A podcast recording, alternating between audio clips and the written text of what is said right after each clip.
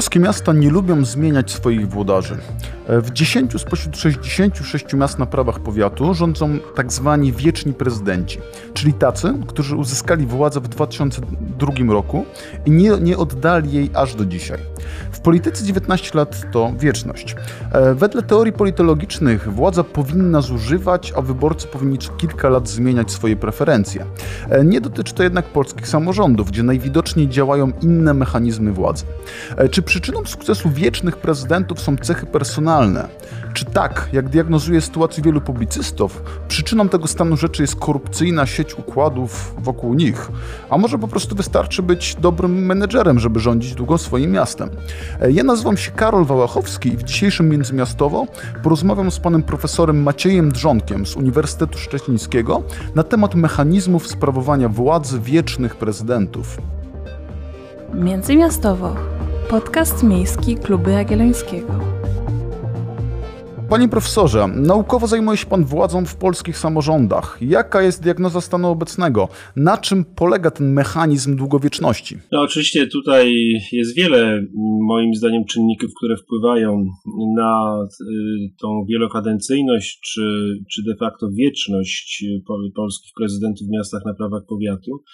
Natomiast ja, oczywiście to są te dwie skrajności, tak, które Pan y, we wprowadzeniu zawarł. No, niektórzy twierdzą, że to jest jakaś sieć y, niewidzialnych powiązań, czyli gdzieś tam w tle są jakieś zjawiska korupcjogenne. No a z drugiej strony druga skrajność to jest po prostu bycie dobrym prezydentem, czyli innymi słowy dobrym gospodarzem.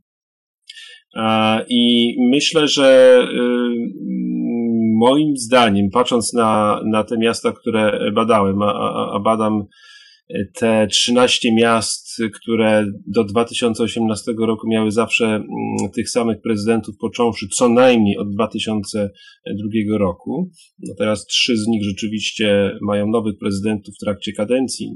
Po tragicznej śmierci Pawła Adamowicza w Gdańsku, rezygnacji Zygmunta Frankiewicza w Gliwicach i przejścia do Senatu, no i teraz po rezygnacji prezydenta e, Rzeszowa.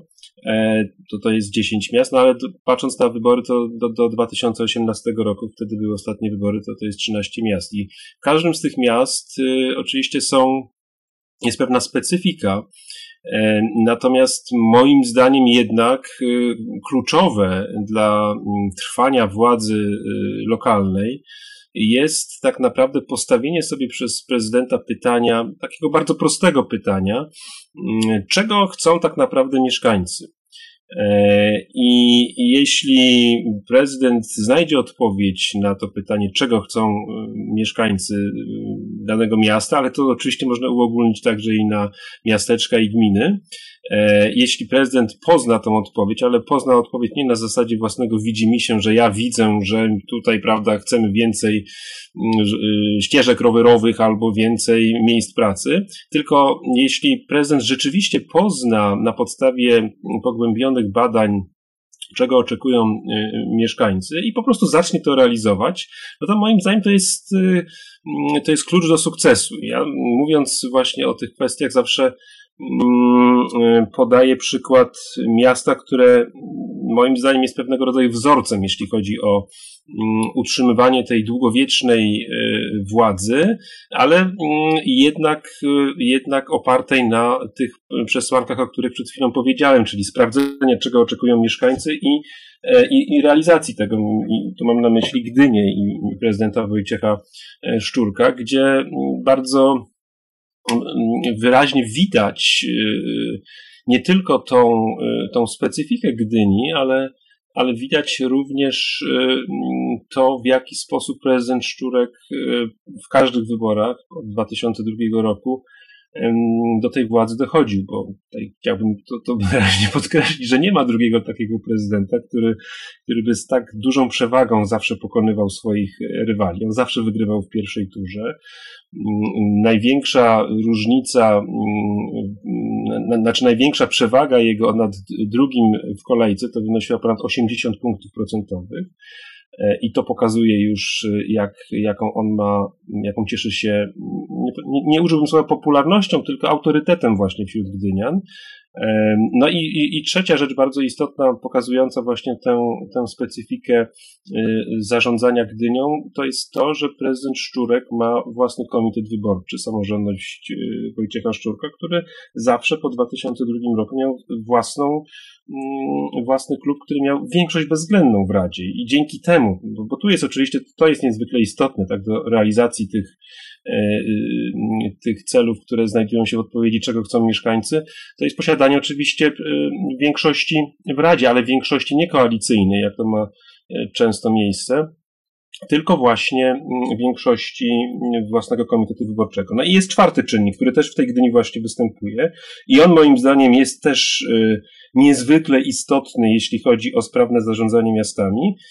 To jest jakby zarządzanie miastem ponad podziałami mm, partyjnymi, nie politycznymi, no bo oczywiście lokalna y, zarządzanie miastem jest też polityką, natomiast, y, y, natomiast zarządzanie miastem w sensie ponadpartyjny czy pozapartyjny, ale oczywiście nie antypartyjny, no bo partie polityczne są potrzebne także w samorządach. Tyle, że Partie polityczne, obserwując inne miasta, to wyraźnie widzimy dzisiaj, nie wiem, w Poznaniu na przykład, czy w Gdańsku obok, Gdyni, czy, czy, czy nie mówiąc już o Warszawie, partie polityczne, mm, które mają swoich prezydentów, jakby przekładają te konflikty ogólnopolskie na, e, na samorząd terytorialny.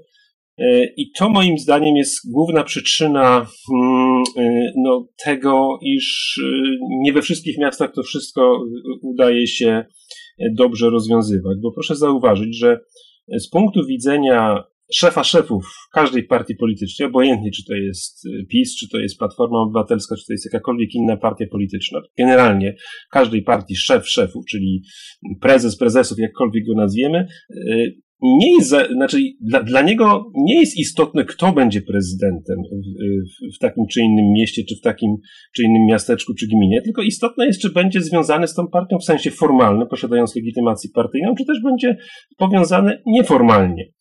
Czyli będzie takim prezydentem niby bezpartyjnym. I to jest najistotniejsze dla, dla, dla każdego szefa partii politycznej. A, a jeśli tak, no to ten, tenże Mm, prezydent y, powiązany z partią polityczną, no będzie miał y, de facto taką podwójną lojalność. Będzie musiał się wykazywać podwójną lojalnością mm, względem mieszkańców, którymi, którzy go wybrali i względem partii politycznej, która mu poparcia udzieliła. I teraz, jeśli nie ma tej podwójnej y, lojalności, a tego właśnie nie ma w Gdyni, bo prezydent Szczurek bardzo mocno E, w sensie po, pozapartyjnym próbował mm, tym miastem skutecznie próbował zarządzać, no to oczywiście on y, może robić to, czego rzeczywiście oczekują mieszkańcy, a nie e, to, czego oczekuje taka czy inna partia polityczna.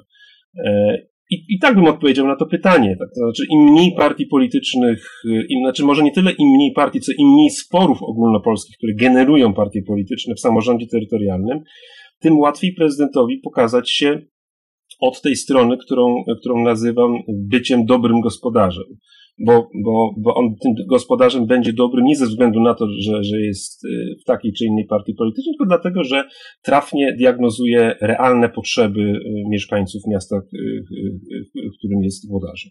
No właśnie, no bo mm, tutaj przedstawił Pan jakby dwie strategie e, bycia długowiecznym, to znaczy albo z jednej strony właśnie jakoś tam lawirujemy sobie w tej polityce ogólnokrajowej E, raczej nie wpisujemy się w spory i raczej e, idziemy z takim przekazem, z którym idzie bardzo wielu prezydentów, przede wszystkim tych mniejszych miast, to znaczy e, jakby my chcemy tylko zarządzać dobrze tym miastem, ktokolwiek rządzi w polityce krajowej, to my się z nimi dogadamy po to, aby właśnie, nie wiem, dostać środki na inwestycje centralne i tak dalej, i tak dalej. To jest ta pierwsza strategia. No ale ta druga strategia, no to jest właśnie jakby przejęcie tych tematów ogólnopolskich do polityki lokalnej.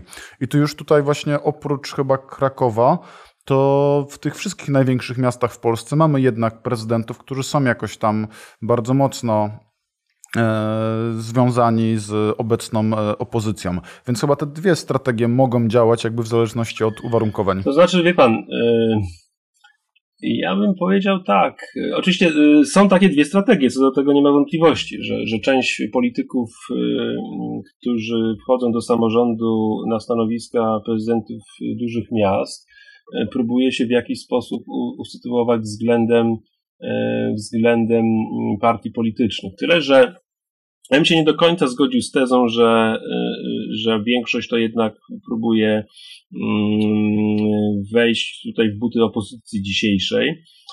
E, bo są oczywiście tacy prezydenci, mm, ale pytanie o, o skuteczność i efektywność, bo jak popatrzymy na no już byłego prezydenta, ale niezwykle popularnego w swoim mieście, Tadeusza Ferenca mm, w Rzeszowie, no to on moim zdaniem właśnie, mm, właśnie sprawował władzę w taki sposób, w jaki pan w tej pierwszej części tego pytania zarysował. To znaczy, nieważne kto rządzi, e, my się jakoś musimy dogadywać z tymi, którzy rządzą w Warszawie, no bo e, bardziej e, efektywne dla miasta będzie dogadywanie się niż stawanie o koniu. I to bardzo wyraźnie Ferenc w trakcie swojej prezydentury realizował. Proszę zauważyć, że, że to był człowiek de facto lewicy, e, ale nieważne, czy rządziła Platforma, czy rządził, e, e, czy obecnie rządzi Zjednoczona Prawica, on potrafił się porozumiewać dla miasta z tymi, z tymi E, rządzącymi. Jak e, trochę jeździłem po tych miastach i rozmawiałem z politykami lokalnymi, to w Rzeszowie mi o tym mówili zarówno działacze z Prawa i Sprawiedliwości, jak i działacze z innych ugrupowań, które wchodzą w skład e, Rady Rzeszowskiej. I to był ten, to, to, był ten, powiedziałbym, patent na długowieczność Ferenca. Ale proszę zauważyć jednocześnie, że Ferenc był znany z tego, że on robił wszystko dla mieszkańców. Znaczy, I tu, tu, tu jeszcze jest jeden element, o którym nie wspomnieliśmy. Dostrzeganie mieszkańców, a nie urzędników. To było bardzo wyraźne w zarządzaniu miastem przez Ferenca. To znaczy on zawsze, mm, zawsze dbał o mieszkańców w taki nawet, bym powiedział, bolesny sposób dla, dla urzędników, bo, bo on robił takie spotkania z mieszkańcami, na, których, na które jeździł też z urzędnikami.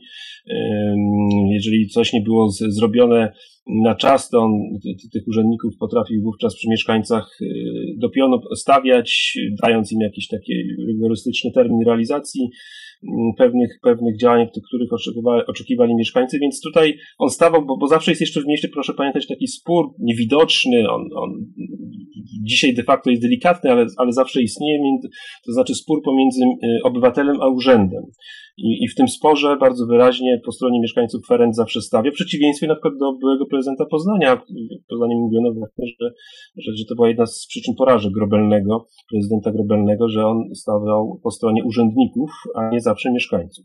Ale wracając do, wracając do tego, do tego sedna, więc prezydent Ferenc próbował się dogadywać, bardzo mocno eksponując to, że on działa na rzecz mieszkańców, innym przykładem, moim zdaniem, podobnych działań, ale, ale że tak powiem, już, e, że tak powiem, e, no, według własnego patentu, to jest prezydent też dużego miasta, Torunia, znaczy relatywnie dużego miasta, powiedzmy, jakim jest Toruń, E, i prezydent Michał Zaleski, też człowiek e, o korzeniach lewicowych, ale on e, potrafił się, znaczy jego autorytet polega na tym, że jest autorytetem nie tylko wśród mieszkańców, ale także potrafił nie tyle podporządkować sobie, ale stanąć ponad partiami politycznymi, które tam są w tej Radzie, Radzie Miasta, bo w Gdyni, tak jak powiedziałem, prezydent ma własną większość. I nie musi się liczyć de facto z tym, co, co, co, co radni Platformy czy radni e, PiSu będą chcieli zrobić, bo i tak ma własną większość. Natomiast e, e, prezydent Zaleski nie ma własnej większości, ale i działacze Prawa i Sprawiedliwości, i działacze Platformy Obywatelskiej, wiedząc o tym, że, że tenże prezydent Zaleski ma silną pozycję, którą daje mu mandat uzyskany w wyborach bezpośrednich od mieszkańców, wiedzą, że no, albo się ze sobą porozumieją, albo nie. I tam do, do, dochodziło do takich sytuacji, że, co wydaje się, uwaga, no, czymś absolutnie nie do pomyślenia. Mm, e, e, e, prezydent Zaleski podpisywał porozumienie o współpracy z Prawem i Sprawiedliwością i podpisywał drugie porozumienie z, o współpracy z Platformą Obywatelską, czyli PiS i PO między sobą niczego nie podpisywało, ale każda z tych partii podpiska, każdy klub tej partii podpisywał porozumienie z prezydentem. I na tej zasadzie mm, to miasto było zarządzane. Więc proszę zauważyć, że no była to taka trochę kryptokoalicja PiSu i Platformy z prezydentem Zalesnym. Ale to pokazuje, że to jest in, inny jakby, jakby sposób zarządzania miastem y, y, przy udziale partii politycznych. To znaczy, podkreślam raz jeszcze, nie chodzi o to, żeby być antypartyjnym, tylko żeby wykorzystywać y, ten potencjał, który partie mają, ale tępić e, te podziały ogólnopolskie, te podziały ideowe, które są tak naprawdę absolutnie do niczego niepotrzebne w zarządzaniu miastem. Więc e, e, przykład prezydenta Ferenca, przykład prezydenta Zaleckiego to są moim zdaniem takie dwa przykłady, gdzie można poradzić sobie z partiami politycznymi, ale ale też próbując porozumiewać się z obecnie rządzącymi. Natomiast to, o czym Pan wspomniał, czyli, nie wiem, to obecny prezydent Poznania, obecna prezydent Gdańska, no nie mówiąc oczywiście o, że tak powiem, zoologicznym przykładzie prezydenta Warszawy, e, gdzie, gdzie ci prezydenci sytuują się bardzo mocno w tym, e, po tej stronie e, opcji opozycyjnej względem obecnie rządzących w Polsce, no, jest wynikiem moim zdaniem jeszcze czegoś innego. To znaczy i w Gdańsku, i w Poznaniu, i w Warszawie Platforma Obywatelska, czy patrząc szerzej dzisiaj po, po, po, tej, po tym szyldzie Koalicja Obywatelska, ma oczywiście wśród mieszkańców bardzo duże poparcie, bo, bo trzeba pamiętać jeszcze o jednej rzeczy, o której nie powiedzieliśmy. W wyborach,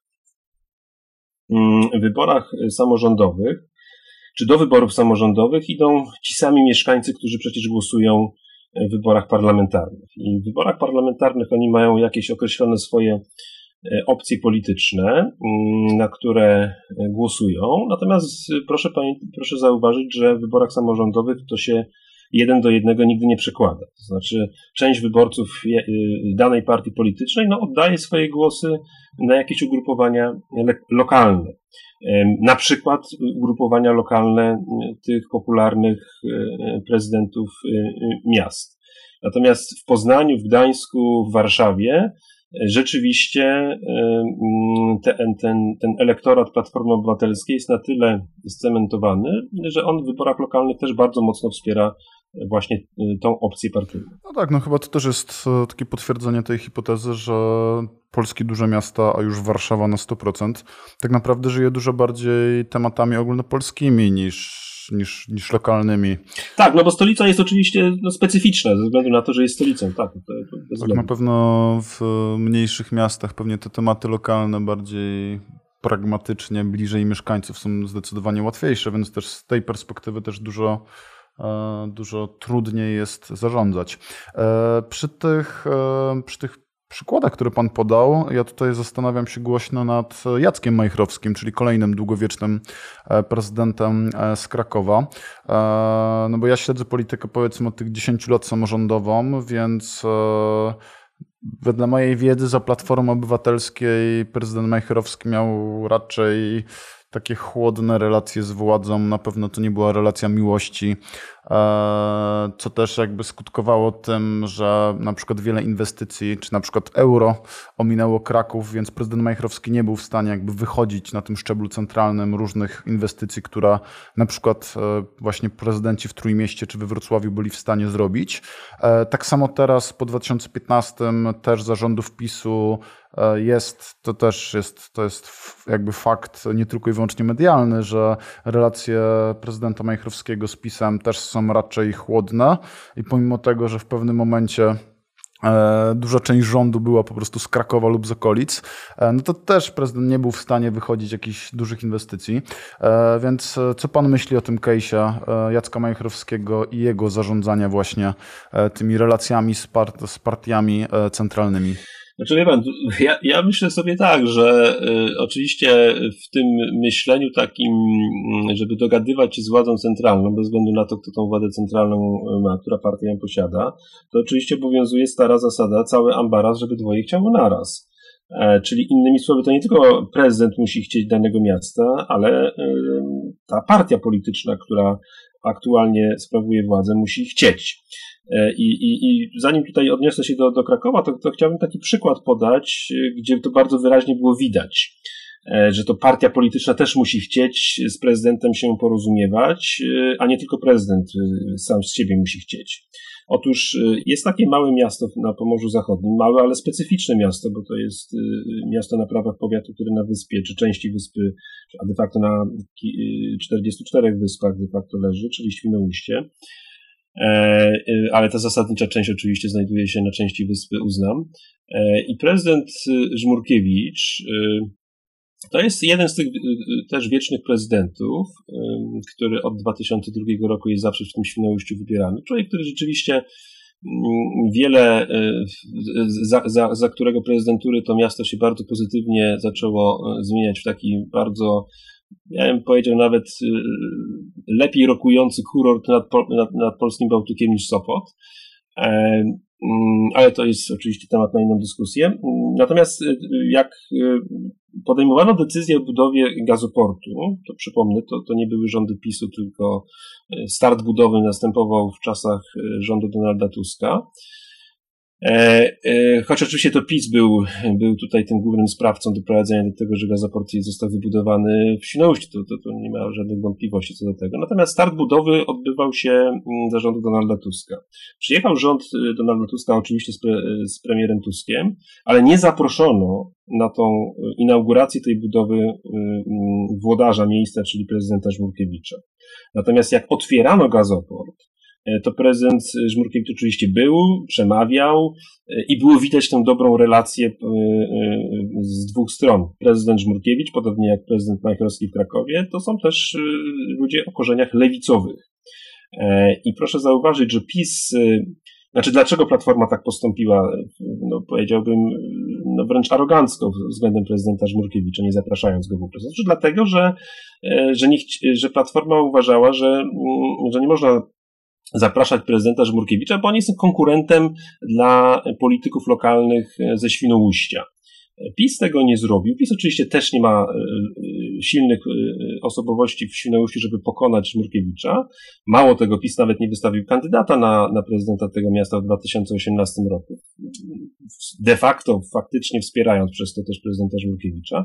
No ale widać tutaj tą kooperację i to, że cały ambaraz, żeby dwoje chciało naraz. Więc tutaj Żmurkiewicz chciał, chciał, że tak powiem, te ścieżki E, wydeptywać i wydeptywał, jeżdżąc często do Warszawy, potem w sprawie tunelu i, i, i oczywiście to mu się udało. Natomiast e, mm, Prawo i Sprawiedliwość e, te starania dostrzegało i, i, i było nastawione pozytywnie, a Platforma właśnie nie. I teraz odnosząc się do Jacka Majchrowskiego, to jest oczywiście zupełnie inna sytuacja, no bo, bo, bo, Kraków jest oczywiście E, znacznie większym miastem e, e, niż większość innych polskich miast na prawach powiatu.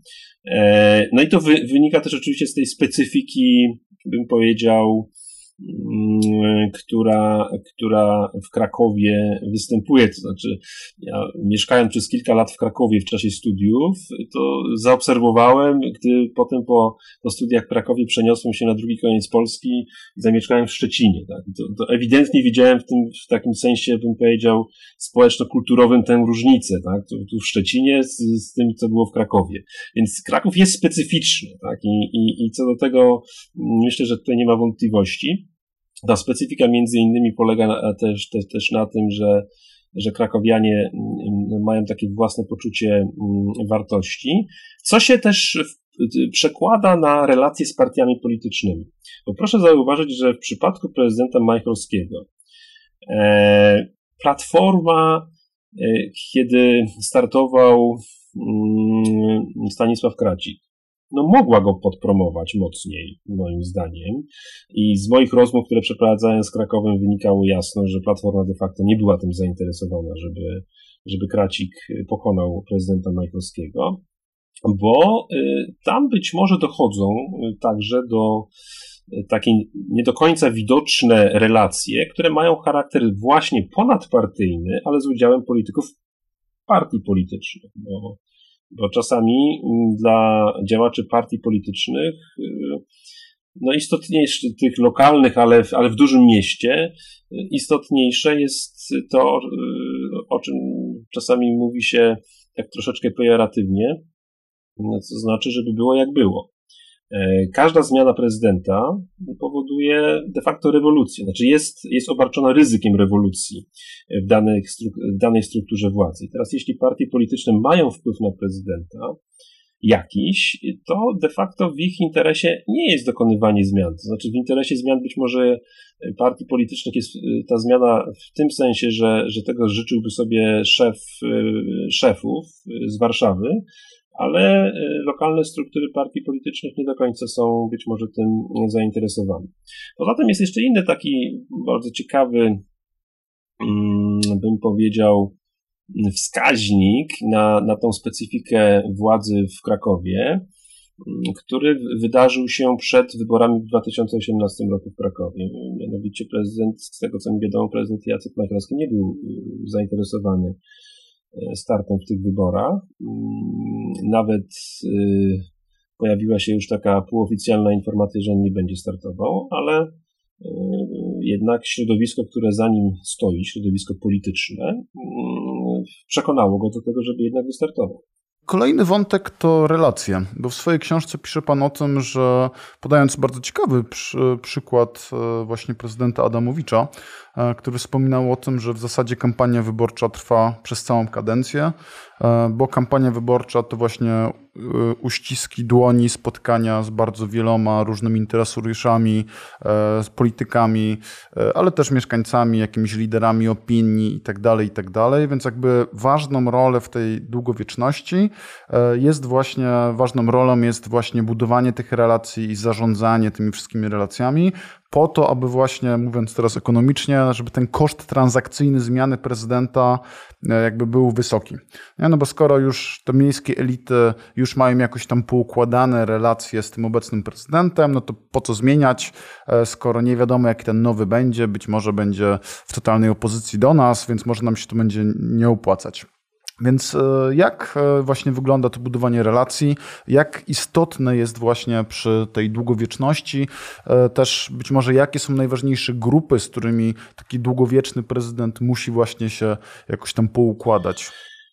No oczywiście moim zdaniem rzeczą kluczową jest przynajmniej stworzenie wrażenia, że mieszkańcy miasta chcą właśnie tę osobę na fotelu prezydenta co najmniej stworzenie wrażenia, y, jeśli nie oczywiście mm, spowodowanie, że, że, że y, dana osoba będzie miała realny autorytet wśród mieszkańców. Bo czasami to może odbywać się na zasadzie wrażenia, ale w przypadku, moim zdaniem, w przypadku tych y, prezydentów, których nazywam wiecznymi, czyli tych, którzy są zawsze wybierani od 2002 roku, to już nie chodzi oczywiście o wrażenie, tylko chodzi o, o wytworzenie takiego istotnego autorytetu. To znaczy, mieszkańcy, osoba, która jest prezydentem, no musi pokazać swoim, swojemu zapleczu, musi okazać się w swoim zapleczu politycznym, że wystawiając go ponownie, jest du duże prawdopodobieństwo wygranej.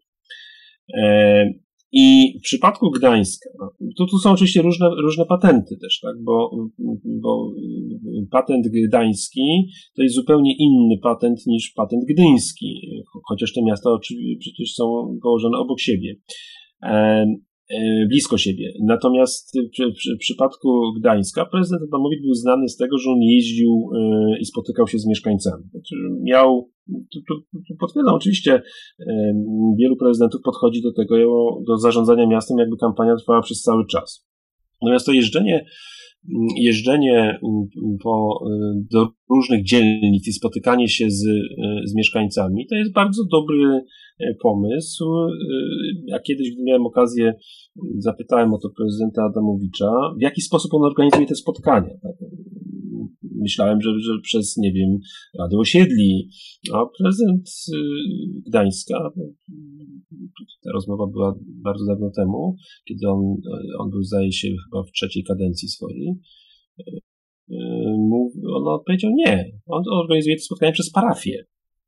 E, czyli mm, ksiądz e, w niedzielę w ogłoszeniach duszpasterskich zapowiadał, że tego i tego dnia będzie spotkanie mieszkańców z, e, z prezydentem miasta. Znaczy nie mówię, że na terenie parafii, w sensie w kościele, oczywiście, że nie w kościele, tylko że, że jakby przekaz informacji szedł przez, przez komunikat parafialny.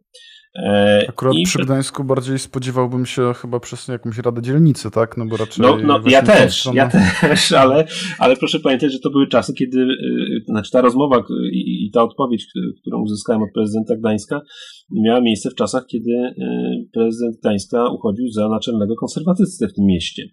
A, mm, więc y, prezydent mówi tak, no, jeśli E, jeśli ja przyjeżdżam, no to na takie spotkanie przychodzi jakieś 300-500 osób e, i mówi, ci mieszkańcy, którzy przyjdą, no to, to ich trzeba przemnożyć razy 4, razy 5, bo oni powiedzą o tym w swoich domach, powiedzą swoim sąsiadom, Czyli innymi słowy, prezydent jest jakby staje się dotykalny dla mieszkańca. Tak dużego miasta jak Gdańsk staje się dotykalny. I, i oczywiście oni mówią o swoich takich lokalnych sprawach, o tym, że, że, że są jakieś dziury w ulicy, że chodniczek by się przydał, że przystanek jest niewygodny, bo nie ma zadaszenia i tak dalej, i tak dalej. Ale ci wszyscy mieszkańcy czują, że prezydent jest wśród nich, a po drugie mówi Adamowicz, a ja wiem, y, o co chodzi tym mieszkańcom w danych dzielnicach. I proszę zauważyć, że w zarządzaniu miastem, jak, jak rozmawiam z politykami, politykami lokalnymi, to w tych dużych aglomeracjach oni zwracają teraz uwagę, że jest odejście od takich właśnie inwestycji centralnych na rzecz inwestycji dzielnicowych, czyli realizacja, jakby sprawdzanie e, czego mieszkańcy poszczególnych dzielnic oczekują, tak? bo tu nie chodzi tylko o inwestycje typu obwodnica śródmiejska, która na przykład teraz w Szczecinie powstaje, tak? to, to jest jakby zadanie ogólnomiejskie, ale chodzi o to, żeby realizować te potrzeby mm, mieszkańców w skali mikro, w dzielnicach i to Gdańsk już w tych ostatnich kadencjach prezydenta Adamowicza bardzo wyraźnie na to stawiał. Więc y, kluczem jest moim zdaniem, odnosząc się do sedna pańskiego pytania, stworzenie wrażenia albo wytworzenia relacji przede wszystkim z mieszkańcami. Także prezydent jest jest mieszkańców, że mieszkańcy go chcą. A to, czy on się potem porozumie mm, z zapleczem politycznym, to zależy, czy z jakim segmentem, kto, kto stanie się zapleczem politycznym, to zależy moim zdaniem od y, prostego czynnika, czy, czy prezydent jest działaczem partii politycznej, czy też buduje mm, swój autorytet właśnie na tym, y, na takim kursie ponadpartyjnym czy pozapartyjnym. I to jest oczywiście trudniejsze w dużych miastach, z racji, o których mówiłem y, wcześniej, gdzie mieszkańcy mają sprecyzowane swoje preferencje polityczne, partyjne. I to jest trudniejsze wtedy. No w Gdyni, Gdynia jest tutaj taką y, y, miastem specyficznym, tak, bo to jest miasto na prawach powiatu największe mm, spośród tych, które nie jest y, zarazem wojewódzkie, prawie 250 tysięcy mieszkańców.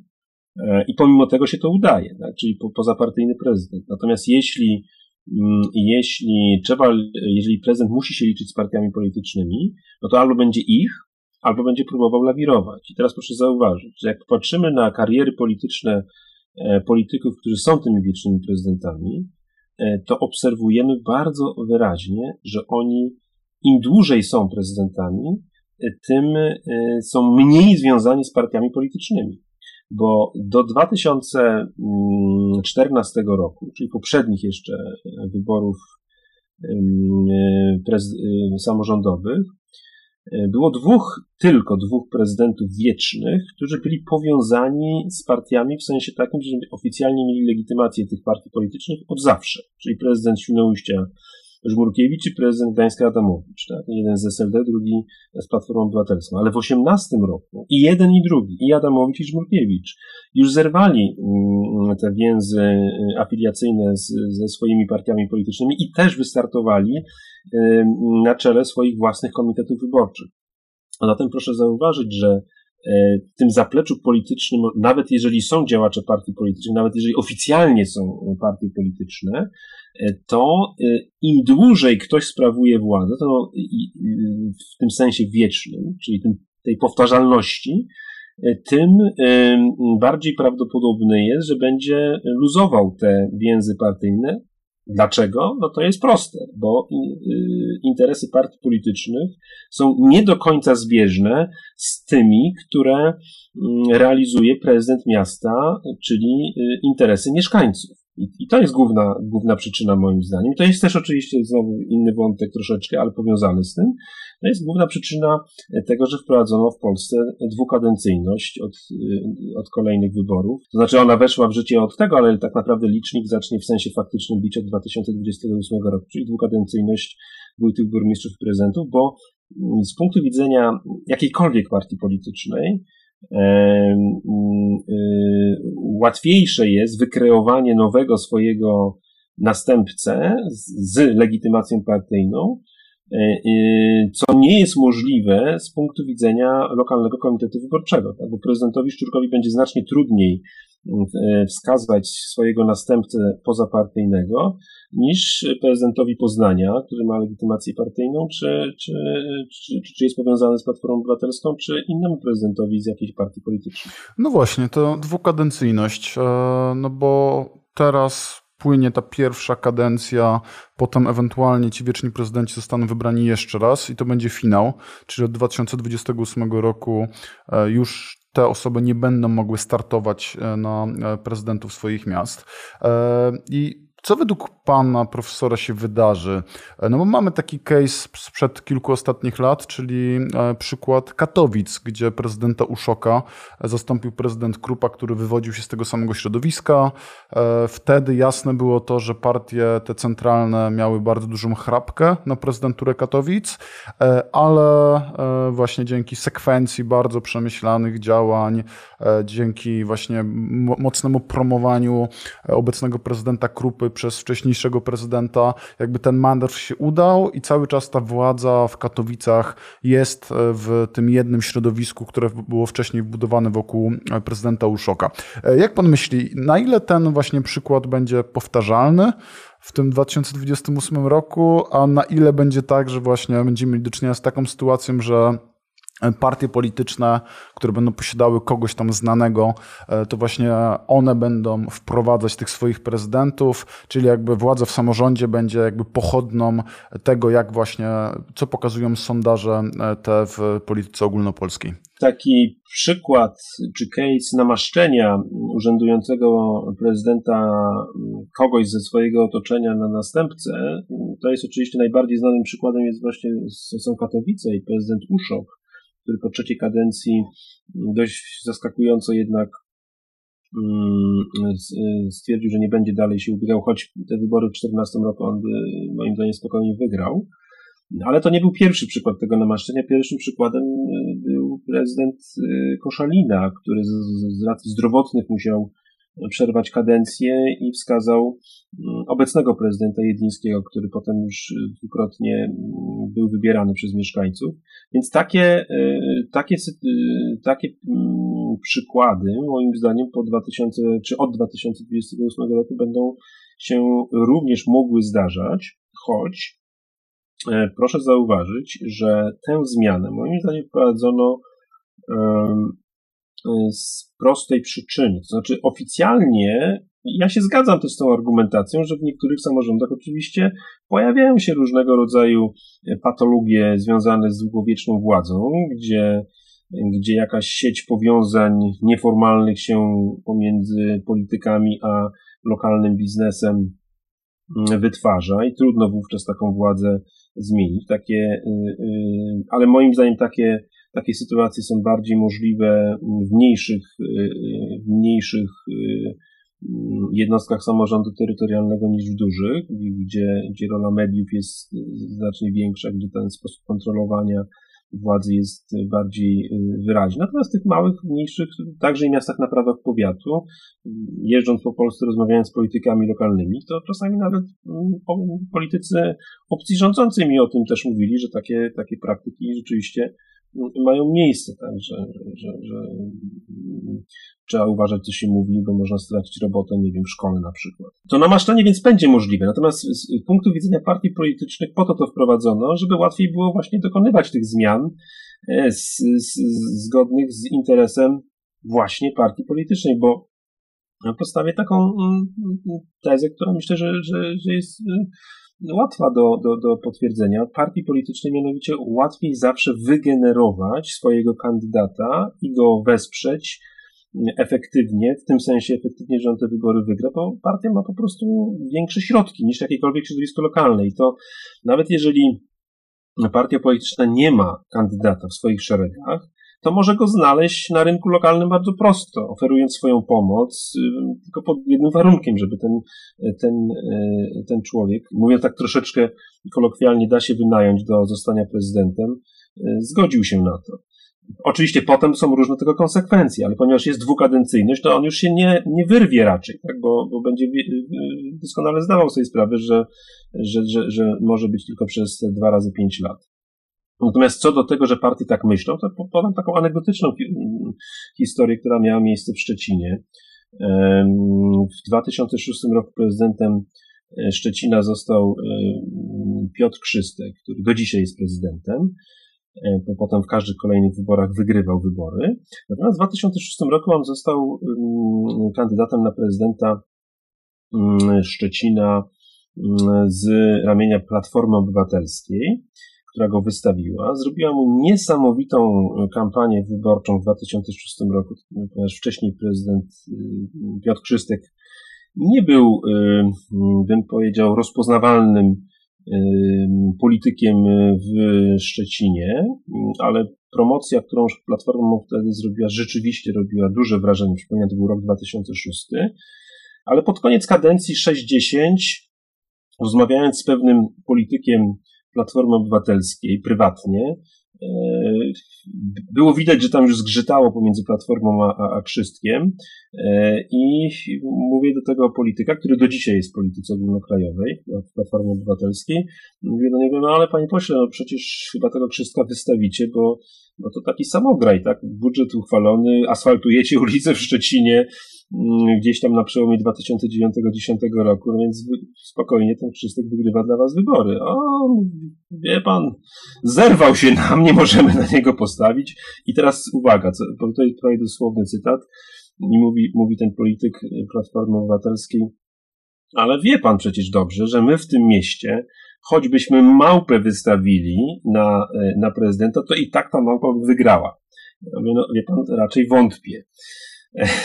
No więc to zdanie pokazuje, jak niekiedy politycy y, partii politycznych wierzą w sprawy socjotechniki, jakiegoś podpromowania, że to wszystko się da, y, da zrobić. To nie do końca tak działa. I oczywiście w 2010 roku Piotr Krzystek, y, kandydując przeciwko Platformie Obywatelskiej, wygrał wybory, tak jak powiedziałem, potem w każdych kolejnych wyborach wygrywał, chociaż po 18 roku no, ma koalicję znowu z Platformą Obywatelską. A chyba to ostatnie wybory prezydenckie na szczeblu centralnym i kandydatura e, Małgorzaty Kidawy-Błońskiej e, pokazała, że jednak e, to, jakiego kandydata się wystawia, też jest istotne.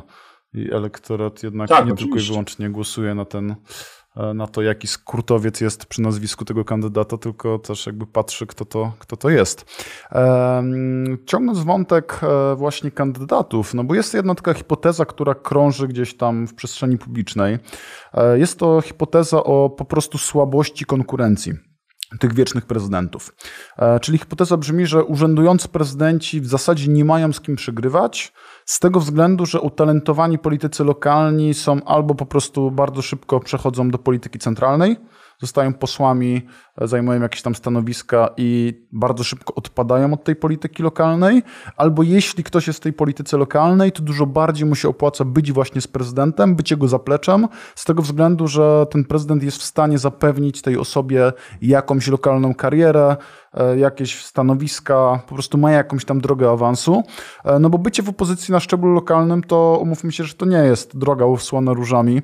E, tak naprawdę trzeba być tylko i wyłącznie jakimś takim bardzo twardym zawodnikiem, który właśnie e, chce przez bardzo wiele lat właśnie punktować tego prezydenta, jakoś tam samemu w zasadzie e, budować się, bez właśnie z takim tylko i wyłącznie obietnicą, że być może kiedyś coś się wydarzy i być może ta osoba przejmie władzę. Więc e, czy zgadza się pan z tą hipotezą? Ja pan częściowo się zgadzam oczywiście, bo Mm, to, to, nawet jak rozmawiam z młodymi ludźmi, którzy, którzy zajmują się, e, znaczy wchodzą w politykę, to oni bardzo mocno podkreślają, że ich nie interesuje jakaś lokalna polityka, tylko gdzieś co najmniej bycie posłem. E, otóż sprawstwo posła jest znacznie mniejsze niż sprawstwo nawet radnego w, danym środowisku lokalnym, e, ale mm, wielu polityków tego jakby nie zauważa. I rzeczywiście wielu, wiele osób, które chce w sensie pozytywnym zajmować się polityką, działaniami mm, politycznymi, e, od razu gdzieś próbuje swoich sił gdzieś poza tą polityką lokalną. W związku z tym ten y, urzędujący wieczny prezydent ma mniejszą konkurencję. To prawda. Prawdą jest też moim zdaniem to, o czym Pan wspomniał, że, mm, że nawet jak taka e, jednostka się gdzieś pojawia na rynku lokalnym, to bardziej opłacać się jej może, patrząc tak bardzo egoistycznie, dogadywać się z tym prezydentem i być w jego zapleczu, niż walczyć z nim. E, ale proszę zauważyć, że, mm, że tak Y, y, że, że, że, że to może mieć miejsce, takie działania mogą mieć miejsce, mogą być efektywne, pod warunkiem, że oczywiście prezydent będzie się na to godził. No bo to jest y, właśnie brak zgody na to, to jest przyczyna, główna przyczyna moim zdaniem mm, rozejścia się mm, Adamowicza ze swoim środowiskiem partyjnym, czyli Platformą Obywatelską. Tam generalnie poszło o to, że Adamowicz nie dopuszczał tych młodych demokratów do władzy, I oni się mu postawili. Oczywiście tam były te sprawy mm, majątkowe Adamowicza, które ciągnęły się za nim i które e, dzisiaj to jest, to jest oczywiście zupełnie inna kwestia, ale, ale bardzo wyraźnie to, to, to słychać, jak Platforma dzisiaj bardzo pozytywnie się wypowiada o prezydencie Adamowiczu, no ale przed wyborami 18 roku jakby nie do końca. E, i, i, i obawiała się e, tych historii i między innymi też z tego względu z niego, mm, znaczy nie chciano go poprzeć, ale główna przyczyna moim zdaniem to właśnie mm, dotyczyła tego, że prezydent jakby nie dopuszczał e, swojego, części swojego środowiska politycznego do zarządzania miastem. A zatem to, czy tak będzie, czy nie, no też mm, na to musi wyrazić zgodę prezydent miasta. Bo tu też jakby pokazując jakby te mechanizmy, to warto wspomnieć o, o, o jednej rzeczy. Jeśli popatrzymy na alternację władzy w miastach, na stanowisku prezydentów miast, bo one oczywiście też zachodziły jednak w miastach na prawach powiatu. Mówimy o 13 miastach wiecznych prezydentów, no ale pozostałych 53 miasta, to tamte zmiany jakoś zachodziły. I proszę zauważyć, ja, ja w przypadku miast wojewódzkich to przeanalizowałem, jeżeli dochodziło do alternacji, to alternacja odbywała się w dużej mierze przy udziale partii politycznych.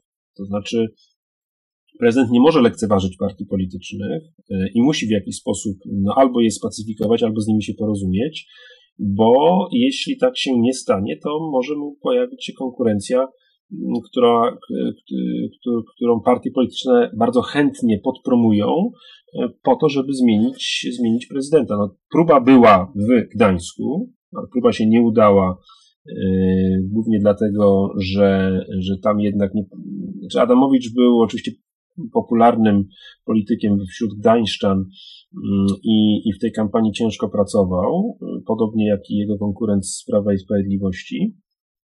Kacper Płażyński, natomiast kandydat Platformy Obywatelskiej mm, Jarosław Wałęsa, no nie do końca, działacze Platformy o tym mówili, nie do końca, mm, nie do końca pracował, znaczy przynajmniej nie na tyle, na ile mógł. E, no i przede wszystkim e, no, brakowało mu tego, e, znaczy nie odziedziczył po ojcu chyba tego, co kiedyś ojciec miał, czyli czyli charyzmy. W pewnym momencie w kampanii wyborczej Jarosław Wałęsa na jednym ze spotkań powiedział mam nazwisko i nie zawaham się go użyć, zapominając o tym, że jego konkurenci też mieli nazwiska, tylko że jeszcze ciężej pracowali.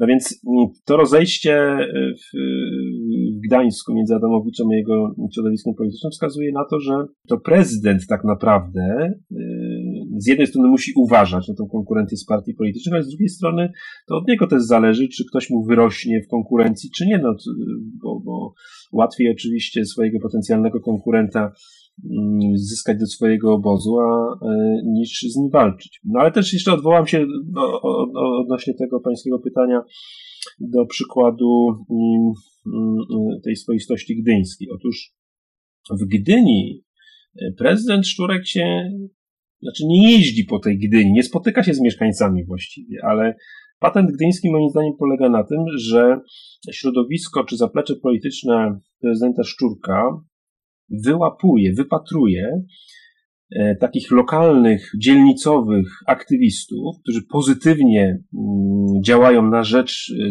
danej dzielnicy, danego tej, tej, tej mikroskali i proponują im współpracę.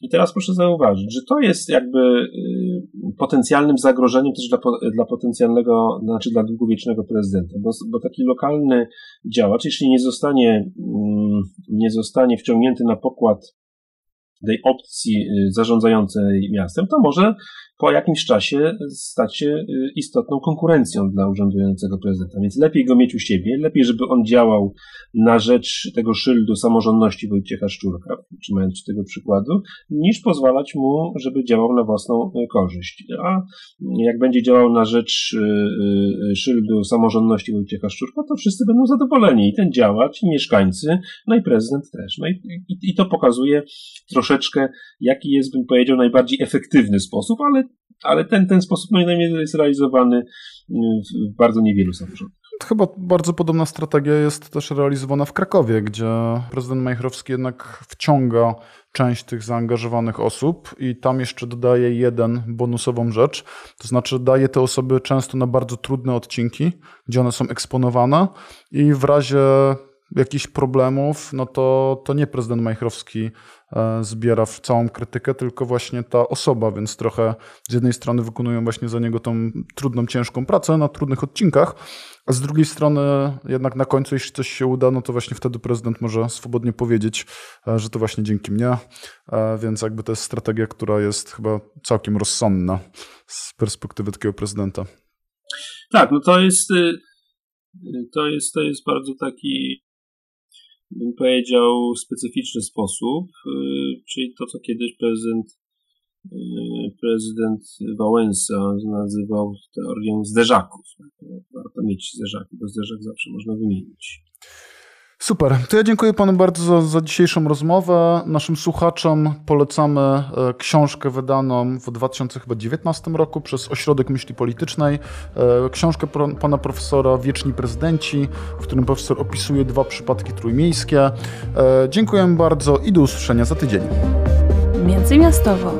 Podcast miejski Kluby Jagiellońskiego. Produkcja tego odcinka została sfinansowana ze środków otrzymanych w ramach Programu Rozwoju Organizacji Obywatelskich na lata 2018-2030, których operatorem jest Narodowy Instytut Wolności Centrum Rozwoju Społeczeństwa Obywatelskiego. Pozyskany grant pozwoli nam w najbliższych 18 miesiącach rozwijać nie tylko nasz podcast, ale i inne działania w tematyce miejskiej na portalu klubjagielloński.pl. Spodziewajcie się więc kolejnych podcastów, podgłębionych artykułów, ale i spotkań i dyskusji online. Gorąco zachęcam również do dołączenia do naszego zespołu seminaryjnego. Więcej szczegółów uzyskacie pisząc do nas na Twitterze lub poprzez profile Klubu Jagiellońskiego na Facebooku czy na Instagramie.